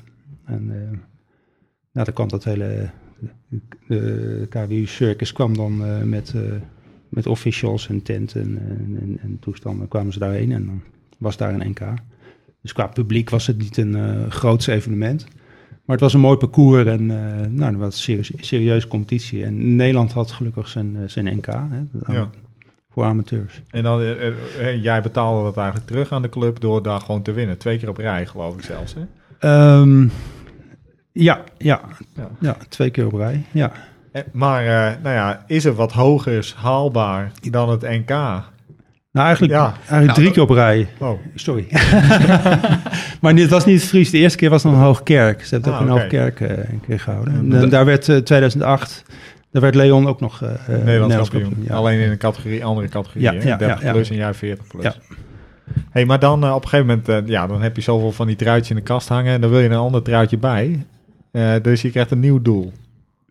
Eh, ja, dat is al, al, al, heel vroeg kreeg ik in de gaten dat er ook een WK was. En dat WK eh, was dan ook voor amateur master categorieën vanaf eh 35 plus, zeg maar.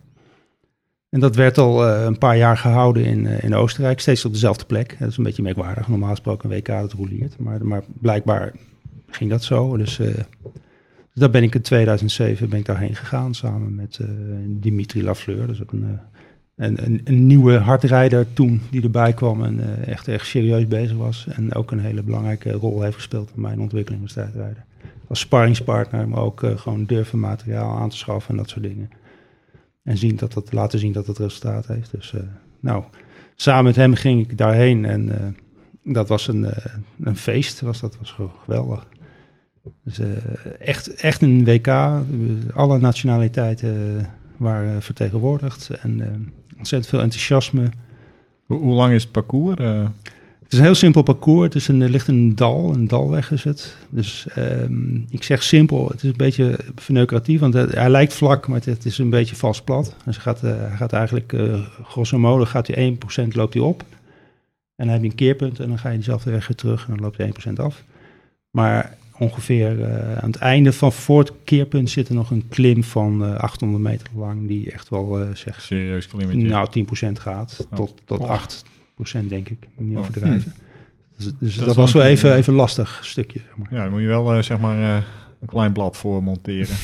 Eh, 47 of zo. maar eh, Nee, die kon je gewoon op de buitenblad Oh, naar boven. oh ja. Oh ja, 10%. natuurlijk, Ja, het is ja. 10%. Ja.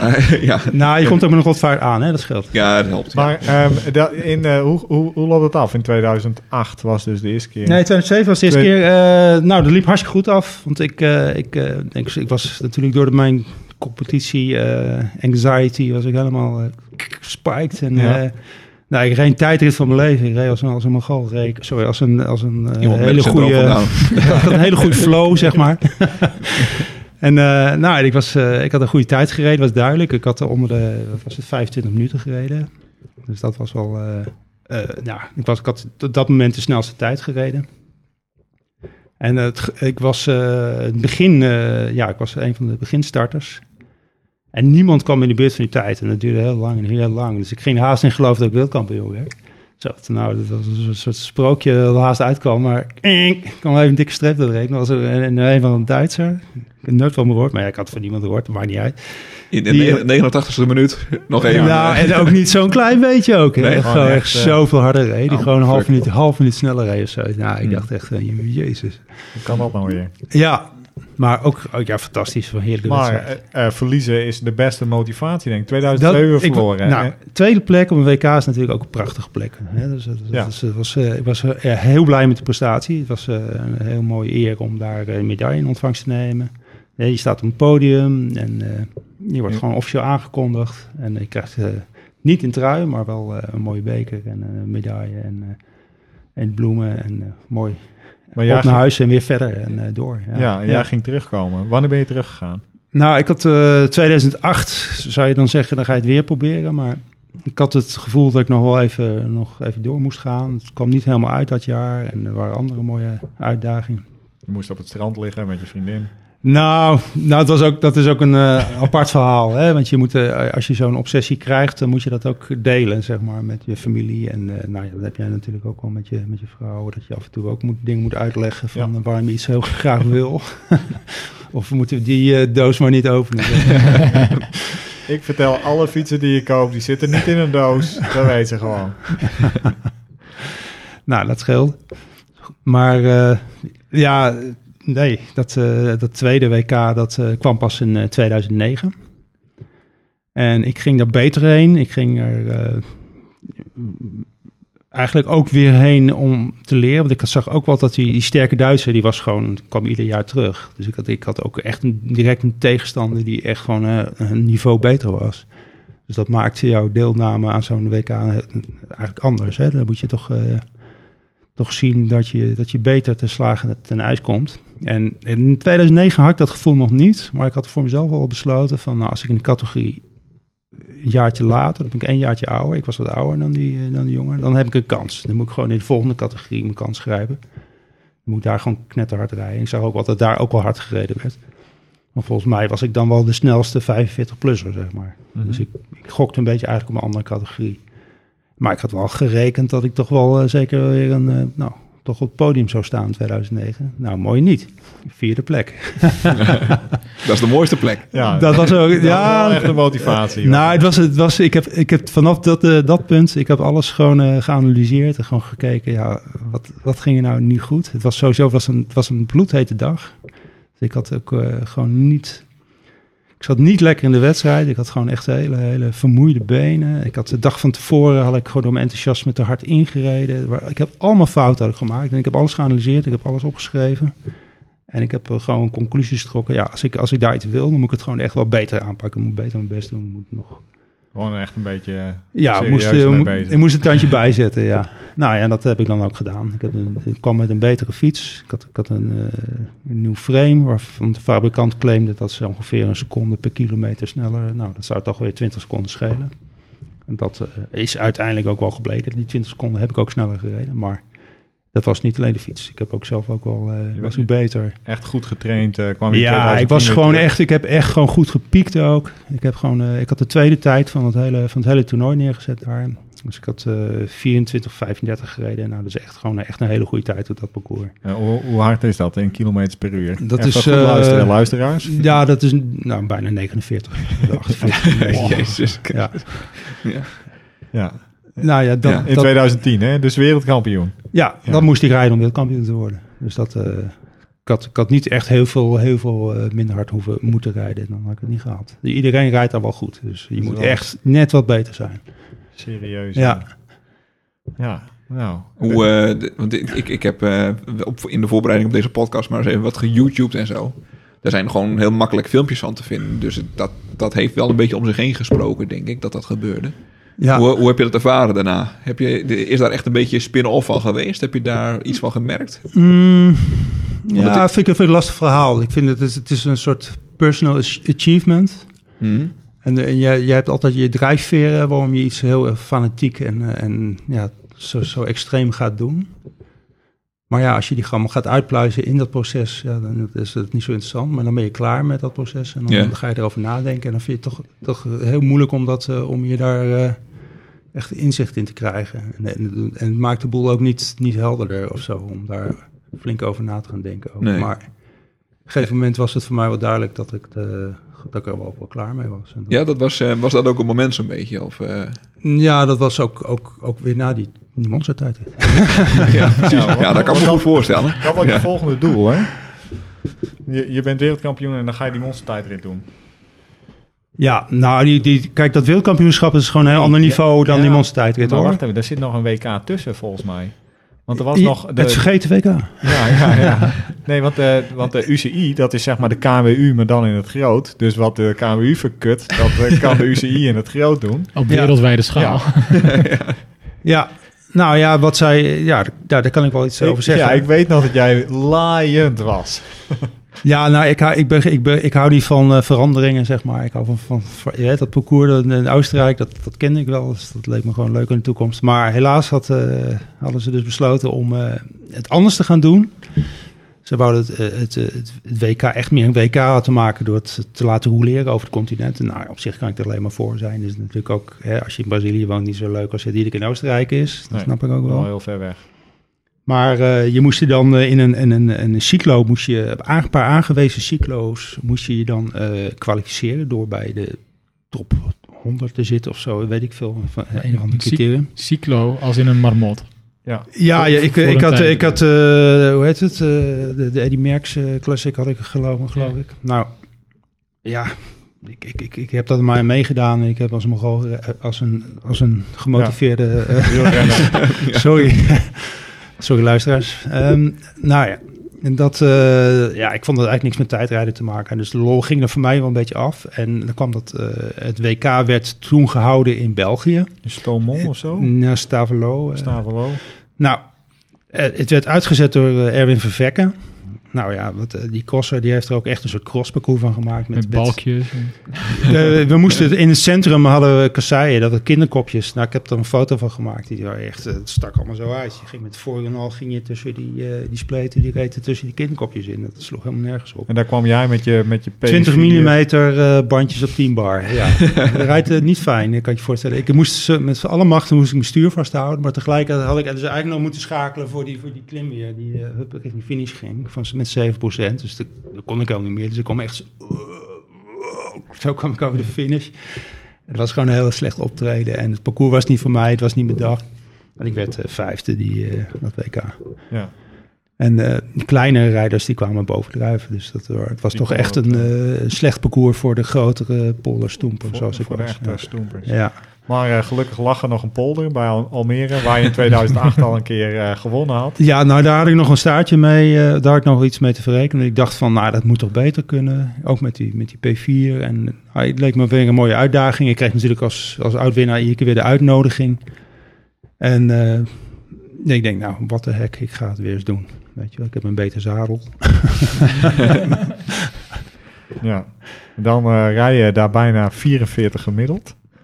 Eh 43, 92. Je bent eh, vier minuten sneller dan de nummer 2. En je zet een parcoursrecord neer. Dat heeft niet heel lang ges- eh, gestaan. Nee, want ik, daar was ik ook hooglijk verbaasd I- over. Iedereen dacht, nou, dit wordt nooit, er gaat nooit Dit is iemand voor sneller eeuwig. rijden. Ik, wist, ik dacht even, nou, dit, dit moet mijn laatste kunststukje zijn. En eh, laat ze hier maar eens even op stuk bijten. Maar wat verdorie, hij werd het volgende jaar, het jaar erop werd hij direct verbeterd door één Remco Grasman. Grasman. Nou ja, dat bleek het ook meteen ook, eh, Ja. zeg maar, mijn eh, opvolger te zijn.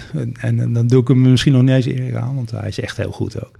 Ja. Ja. Hij is gewoon echt... Kun je veel van zeggen? Ja, maar hij is wel echt heel goed. En we hebben heel Ja. vaak wel lullig gedaan over Remco Grasman. Maar eh, even kijken hoor. Heel, om heel precies te zijn, twee jaar later rijdt hij dik 44. ja. Dus dan is hij al een stukje sneller. En dan, eh, even kijken hoor, nog een jaar later. Uiteindelijk rijdt hij geloof ik bijna 47 gemiddeld over dat parcours. hè? ja, dat is ongekend hard. Ja, dus Ja. zeven- Niet normaal, 120 joh. kilometer lang, 47 gemiddeld. Ja. Dus eh, ja, dag, inderdaad. Ja, dat is fenomenaal. Heel goed. En dan zit jouw carrière erop. eh. Jij eh, verkoopt de boel, je houdt er echt mee op ook. Het is gewoon klaar. Mm, Oh, nou, het, het was, het was een proces. eh, ja, het was ingezet. En, eh, nou, ik, die, die tijdrit had me ook echt wel even gesloopt. Dus ik was, nou, het was het einde van het seizoen. Nou, hè, en dan, dan moet je even opladen. Hè, dat je weer eh, met het winterseizoen. Dan ga je weer een beetje crossen. En dan ga je weer eh, denken over hoe je de strategie voor, voor het komende jaar. En wat wordt het komende jaar dan? En ik had al eigenlijk een beetje door dat dat misschien dit jaar wel een ander jaar ging worden. Dat ik dat niet mee bezig wou eigenlijk. Want toen was ik eh, met een kinderkamertje bezig. En ik zat de hele tijd op mijn knieën in een of andere Ikea-kast in elkaar te vormelen. En eh, toen stond ik op en toen hoorde ik eens kraak. Dus dat was mijn meniscus aan gehoord. Dus die, eh, die had een beetje te veel in de spanning gezeten. En dus iedere, stap die ik deed hoorde ik kraak, kraak, kraak. dus naar de dokter en eh, een beetje foto. Nou, meniscus kapot. Nou, ik denk, oh ja, dat is een mooie, mooie excuus om even, even te stoppen. En later werd het ook gewoon, nou, het is wel goed. Dus die P4 die hing daar nog een jaartje. En nou, een beetje twijfelde, misschien nog. Nee, het werd steeds duidelijker dat het wel, wel goed was. Dus dat stoppen, dat klinkt heel radicaal, maar het was wel een proces wat eigenlijk een beetje zijn intrede had genomen na 2010. Dat had ik echt mijn hoogtepunt. Ik had 2K gewonnen. Ik had eh, tweede op het NK bij, op de weg ook. Gewoon mooie prestaties. Clubkampioen. Clubkampioen. Wauw. Je bent nog één keer clubkampioen geweest, volgens mij, bij de sportklas. Dat weet ik heel goed. Weet ik heel goed nog. Wie was er twee? Ja, Arjen. Ja, nee, maar 2011 was sowieso al een beetje een uitloopjaar. En, en nou, toen, toen die knieën even nee zei, was het gewoon uh, eigenlijk afgelopen. En ja. ja, dan heb je dat dingen daar hangen. En het was een hele mooie fiets om te hebben hoor. Maar er zat ook wel gewoon wat waarde in. En ik dacht van, is ook wel zonde dat dat ding gewoon niet uh, buiten iemand aan het bedienen is. Het is geen museumstuk. En als iemand erop wil rijden, is eigenlijk wel prima. En nou, toen, uh, dat was uh, Josport, uh, die, die, zei van, nou, wil je je fiets wel verkopen? Ik zei, ja, dat wil ik eigenlijk wel hebben. En, die was snel gesloten en ik heb er nooit spijt van gehad. Jospert de Vries, ook een zeer goede tijdrijder. Ja. Fenomeen in zijn tijd, hè? Nou, dat vond ik ook een leuk idee, dat die ja. fiets naar, naar hem ging. En ik kan jullie vertellen, het is nu dinsdag en aanstaande zaterdag rijdt deze fiets bij mij in de NCK-ploeg met Sietse erop. En Sietse Brouwers, die uh, rijdt dus, uh, die fiets die doet het nog steeds, 2019, bijna tien jaar later. En uh, Sietse die zit er mooi op en fietst er ook hard op. Dus dat, ook dat is leuk. En volgens jou uh, Sloof nog steeds de snelste fiets, toch? Ja, maar ik, ik heb, dat, dat is niet wetenschappelijk hoor. Dat nee. is gewoon echt pure intuïtie en gut feeling en al die onzin. Als je, nou, als je nou twee of drie dingen kan noemen die tijdrijders van nu, want daar luisteren vast tijdrijders die ze zouden moeten verbeteren? Of tenminste, waar jij het meest aan hebt gehad voor jezelf? Nou, ik vind in, in het algemeen gesproken, hè, toen ik begon in uh, 2000, uh, nou die eerste tijdrit was het dan 2005. Dan was, uh, ja, had je nog ideeën zo van de elite renner die dan, uh, zeg maar, die had dan wel een speciale tijdritfiets. Maar dat was het, dat was het, het, idee dat, daar ging je niet op trainen. Want als je dan op de tijdritwedstrijd, op de wedstrijd die tijdritfiets pakte, dan voelde dat zo fris en zo lekker aan. Wauw. Ja. ja, dat, soort, uh, ja. dat soort concepten, dat soort ideeën gingen rond. En ook... Uh, Oké, okay, dus wel trainen op je tijdritfiets? Nee, maar dat, dat, ja. dat, dat, heeft zo'n vlucht genomen. Iedereen is eigenlijk zo goed en zo professioneel mee bezig. En hij heeft ook gewoon uh, ja, leffen om gewoon te investeren in materiaal. En, en, ja, maar stel je voor dat je nu begint. En je, bent, je weet van doet er nog blazen. Je zit bij een, een hockey club als Omega bijvoorbeeld. Niet bij een CSG als... Gekkies. Wat zijn de eerste dingen waarvan je denkt van, uh, daar moet je verbeteren? Of de, schaf dat aan, daar word je een goede tijdrijder van. Ja, nou ja, je houding verbeteren het fietsen. Hè? Dus dat is gaan, gaan sleutelen en dan gewoon je stuurpen omdraaien. Dat kost allemaal niks, hè? Een nee. kleine stuurpen. Tegenwoordig zitten ze heel hoog trouwens, hè? Het zijn echt, uh, in vergelijking, jij zat heel laag. Als je foto's van jou bekijkt, jij zat echt heel laag. Uh, uh, tijdrijders nu gaan steeds verder omhoog. Ik kan, met, boven, met bovenlichaam? Ja, met bovenlichaam. Ik zat, niet, ik zat niet zo laag hoor. Dat okay. is... Uh... Maar ze zitten, dat is echt wel een groot verschil als ik kijk naar nou, Wieg van de Wieën nu en toen, of naar jou toen en Bert Smilda nu. Nou, die zit echt helemaal met zijn handen voor zijn gezicht. Met zijn handen voor zijn gezicht. Ja, ik hoor het ook goed. Zo. ja. Ja, maar als je, Ron Dennis is daar echt niet je handen voor de microfoon. Hè, dat, maar de, dat, dat is wel een... Uh, hoe, want jij, uh, je bent ook tijdrijder. Hoe zit jij dan? Want, nou, ik heb dat geprobeerd, hoger zitten. En dat beviel mij helemaal niet. En ik zit ook een beetje zoals jij in 2010. Alleen ik ben dan geen wereldkampioen. Maar uh, ik zit een beetje van, nou, ga ik ermee verder? Hou ik ermee op? En uh, ik merk dat ik niet meer de energie heb om een positie zo ingrijpend te veranderen. Want dat betekent ook dat je weer opnieuw moet trainen. Daar moet je eigenlijk een half jaartje voor nemen. Maar ik, ik zie wel, als ik er nog een jaar vol voor zou gaan, zou ik het wel doen. Dan ga ik omhoog en dan probeer ik dus meer achter mijn vuisten weg te kruipen. Dat is wat je bij alle snelle tijdrijders ziet. Nou ja, het, het, het, idee is dat je zeg maar, als je, het kost minder energie om één object uh, door de wind te jagen dan twee objecten. Ja. En hoe, hoe, meer je die objecten achter elkaar zet, dicht elkaar, het vormt zich langzaam naar als één object. Dus dat is het idee is dat je niet, maar dat je... Ja, dat je helemaal in elkaar kruipt. Als een ja. balletje op de fiets. Hè? Shruggen ja. noemen ze dat ook. Ja. En, en hoe hoger je stuur eigenlijk, hoe, het moet niet helemaal hoog natuurlijk, maar hoe meer je kan shruggen. Dus het lijkt wat op, eh, vind ik, op wat Graham O'Brien deed. Hè? De, de, ja, de maar het is leuk wat. Game Mobile deed. was eigenlijk een racestuur gewoon omdraaien. En dan met je schouders op, die, op Ja. het hoogstuur Ja. gaan eh, liggen. liggen. Ja. Alleen dat was niet zijn uitvinding. Dat was een gebruikelijk. Hè? In Engeland had je, mocht je geen koersen doen, maar dan hadden ze wel tijdritten. De 10 mile. eh, Ja, Ja. en eh, daar hadden slimme rikken zeg maar, het racestuur omgedraaid en gingen ze in die positie. eh, en hij ook dus, maar hij was niet de enige. Dat was ook eigenlijk een soort spontaan eh aerocultuur die daar lokaal ontstaan is. en die gewoon heel effectief was. ja, nou ja, hij heeft er uiteindelijk het werelduurrecord mee gebroken natuurlijk. Ja, Ik heb, ik heb het idee dat tijdrijders eh, een beetje die eh, richting uitgaan. Groot Nou, maar ik bedoel, hou dat ook als tip, hè? Want, want je kan wel zeggen van, nou ja, tijdrijden, je, moet 10.000 euro minimaal besteden, anders kan, kom je niet aan de pas. Nee, dat is Maar- niet zo. Kijk, als je gewoon lak hebt aan conventies en je draait je stuur om en je gaat op een speciale manier op je fiets zetten, dan kan je ook voor heel weinig geld heel hard gaan. Ja, je mag niet meedoen met DK, maar dat is de... Bij Snits Nou, maakt het niet zoveel uit, hoor. Dat is wel een andere, wat, ik, eh, wat voor mij natuurlijk heel erg, eh, eh, waar ik altijd op hamer. Hè, de, de smalle bandjes met 10 bar, hè, de 19, 20 mm. bar. Ik zeg, je moet 25 of misschien wel 28 mm, heb je iets Ja. meer weerstand. En ik rijd dus op 3,9 bar. Ja. Dus eh, totaal andere, eh, hè, dat is echt heel anders. Ja, dat, dat is heel anders dan, Maar- dan ik. eh, Dat gaat helemaal tegen mijn geloof. ja, dus ik vind jou echt een idioot. 3,9 Mooi zo, gelukkig. bar van pon die banden op je gek. Dat ga je toch niet doen, hè? Nee joh, dat doe je Ja, echt? echt. Ja. 3,9 3,9 bar. Doe normaal. 3,8 eh, Gek. als het eh, wil. Nee, serieus. We komen aan het eind van. We zitten al veel meer dan een uur te praten namelijk. Nee, Dus, 1 eh, uur, en 10 minuten. Valt Ja. best mee. Doe maar netjes. zijn, zijn er nog dingen die, die echt belangrijk zijn? Eh, nee, geloof ik niet. Nee, niet, niet in deze podcast. Ik vond het echt een fantastisch verhaal. We hebben aan je Ja. lippen gehangen, volgens mij. Ja, ik, eh, ik Absoluut, wel, ja. zeker. Nou, ik vond, Lekker. Het, ik vond het ook Een leuk. beetje te weinig vieze grappen gemaakt. eh ja, inderdaad. komt dan, we dat komt hebben dan de volgende keer niet wel in weer. eh, Barry zijn bed gelegen of zo. ja. Wat is het hier? Nee. Dit, eh, dit was de buik van het peloton. De podcast over wielrennen in Noord-Nederland. We zijn eh, over een paar weken terug met een heel bijzondere gast. Of als we eerder zin hebben, met een terugblik op het seizoen. Want we zouden geloof ik nog iets met die Muta, jongens. Ik weet het al niet. We moeten nog een dameskoers organiseren. Ja, dat ah, moet ook nog. Dat gaat niet lukken. Ja. Maar goed. Oh, er zijn er petjes er al? Eh, eh, petjes gaan ook komen. Deek 2K als je nog steeds luistert. Ja, de, je ze krijgt komen een petje van ons. Ja. Eh, heel veel bedankt voor het luisteren. Dit was hem. Yo. Yo. Oké, doei. doei. Сложно Он утерян так безнадежно. Все, чего нам так не хватает Серебристым туманом тает. И откуда-то каждый знает Что чудес вовсе не бывает. В театре сложных инсинуаций Мы живем и не ждем сенсаций. Здесь сценарий пишет время Здесь у каждого роль как бремя. Нет гримеров и режиссеров. Миллиарды плохих актеров. Сзади пусто почти один. В главной ложе сижу, как господин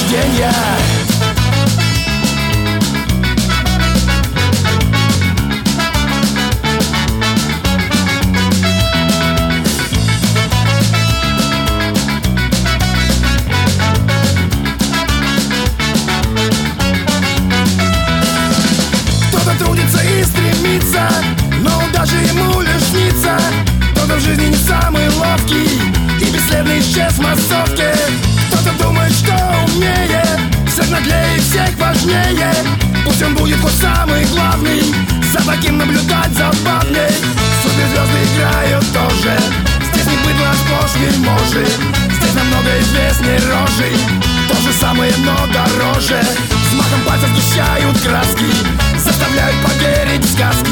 Я уверен в один момент Безусловно наступит хэппи-энд